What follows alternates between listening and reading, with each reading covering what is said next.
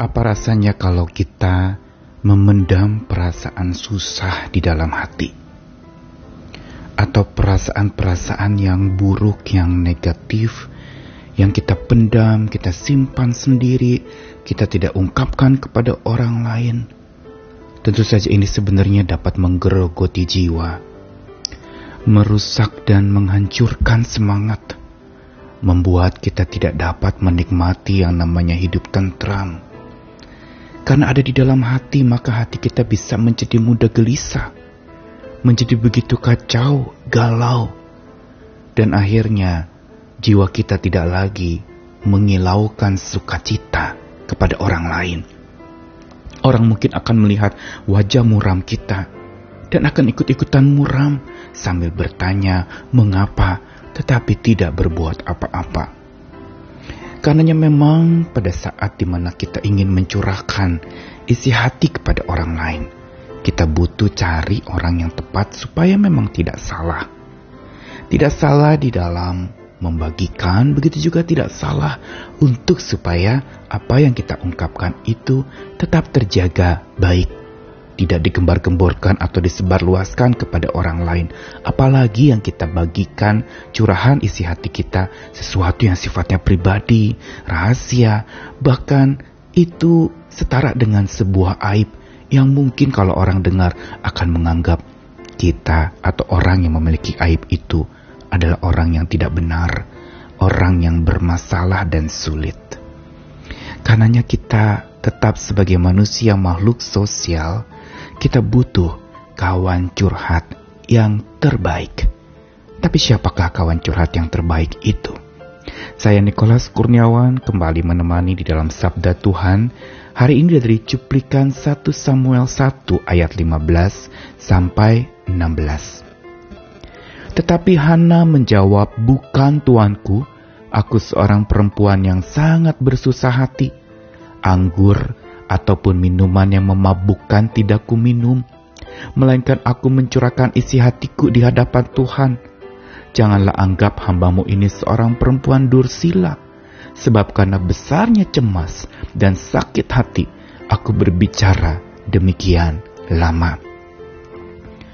Satu Samuel pasal 1 ini merupakan satu kisah yang mengawali perjalanan pelayanan Samuel, nabi yang Tuhan pakai begitu rupa dan luar biasa dari masa kanak-kanak sudah dipanggil oleh Tuhan. Hana adalah ibu Samuel. Tapi untuk mendapatkan dan memperoleh Samuel sebagai anaknya, ada proses yang panjang di mana Hana menangis habis-habisan. Mengapa demikian? Hana adalah istri dari Elkana, sang suami yang punya dua istri, yaitu Hana dan Penina. Dan Penina seorang yang punya anak, sedangkan Hana tidak punya anak. Dan tentu saja ini menyakiti hati Hana karena memang pada masa itu ketika orang tidak punya anak itu dianggap aib, sesuatu yang buruk, kena kutuk dan sebagainya. Ada pandangan-pandangan demikian. Dan lebih lagi Hana menderita karena madunya atau istri kedua dari Elkana itu melukai dia dengan mengolok-olok, dengan menghina dan meremehkan, dan makin tambah ia sakit hati. Sudah dia mandul tidak punya anak, diolok-olok pula. Ibaratnya jatuh tertimpa tangga dan tangganya diinjak orang rame-rame. Hana terluka, hatinya sangat sedih. Tetapi mari kita melihat apa yang kita pelajari dari kisah di mana Hana lalu kemudian sering menangis terseduh-seduh berdoa kepada Tuhan di bait Allah. Dan pada saat itu tentu saja ada satu pola doa yang sebenarnya berbeda dari yang Hana lakukan. Orang berdoa waktu itu kusuk, ritual, rutin dalam sebuah ibadah di mana lalu kemudian tampaknya orang-orang yang berdoa itu orang-orang yang baik-baik, yang tidak ada emosi yang berlebihan. Tidak ada yang namanya nangis-nangis untuk berdoa pada waktu itu. Tapi Hana justru dia ungkapkan seluruh perasaan lukanya, dukanya, perkabungannya. Dia betul-betul ungkapkan secara jujur dan terbuka gamblang, terbuka kepada Tuhan apa adanya. Dan ini tentu saja membuat orang-orang pada waktu itu termasuk Imam Eli, seorang yang biasa ada di bait Tuhan, di bait Allah, itu terheran-heran. Bertanya mengapa engkau sampai demikian? Sebelumnya Elkana suaminya juga bertanya mengapa engkau menangis terus, mengapa tidak mau makan, hatimu sedih.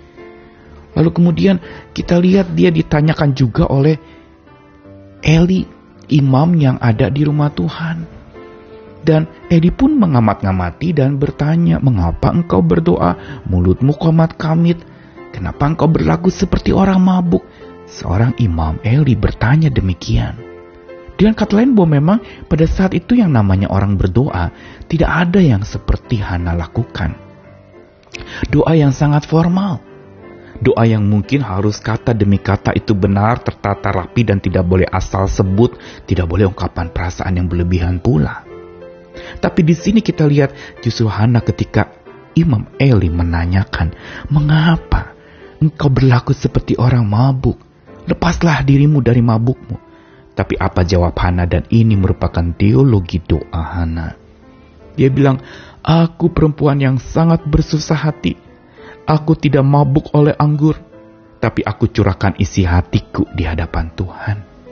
Jangan anggap hambamu ini perempuan dursila, dia katakan kepada Eli. Sebab karena besarnya cemas dan sakit hati aku bicara kepada Tuhan demikian lama. Perempuan ini, Hana, memberitahukan kepada kita dan orang-orang pada waktu itu tentang sebuah pola doa kekaripan dan keakrapan di mana seorang bisa ungkapkan segala perasaannya, isi hatinya kepada Tuhan. Ibaratnya, Tuhan bagi Hana adalah kawan curhatnya. Dia nggak tahu harus bicara kepada siapa. Suaminya hanya bisa menghibur saja, hanya bertanya mengapa engkau menangis, mengapa tidak mau makan. Begitu juga seorang imam Eli yang malah menuduh dia mabuk. Tapi pada saat itu ketika tidak ada kawan curhat yang tepat untuk Hana mengungkapkan isi hatinya, dia akhirnya datang hanya kepada Tuhan yang paling mengerti dan yang paling tahu isi hatinya. Dan akhirnya kita melihat ujung dari cerita ini. Tuhan mengabulkan doa Hana. Sebuah doa yang tulus, yang jujur, sebuah doa yang merupakan sebuah kesempatan untuk curhat, curahkan isi hati kepada Tuhan secara utuh seluruhnya tanpa kita berpura-pura, tanpa juga lalu berbohong atau berdosa, tanpa pula merasa kita benar dan baik lalu formal datang kepada Tuhan, tetapi justru dengan rendah hati, curahkan isi hati di hadapan Tuhan yang membuka telinganya kepada isi hati kita. Inilah harusnya konsep kita, pemahaman kita tentang doa tentang bicara kepada Tuhan, tentang Tuhan sebagai sahabat kita, walaupun Dia adalah Allah Pencipta, tapi Dia juga bergaul karib dengan manusia. Hana telah memulai sebuah terobosan di dalam pola doa waktu itu.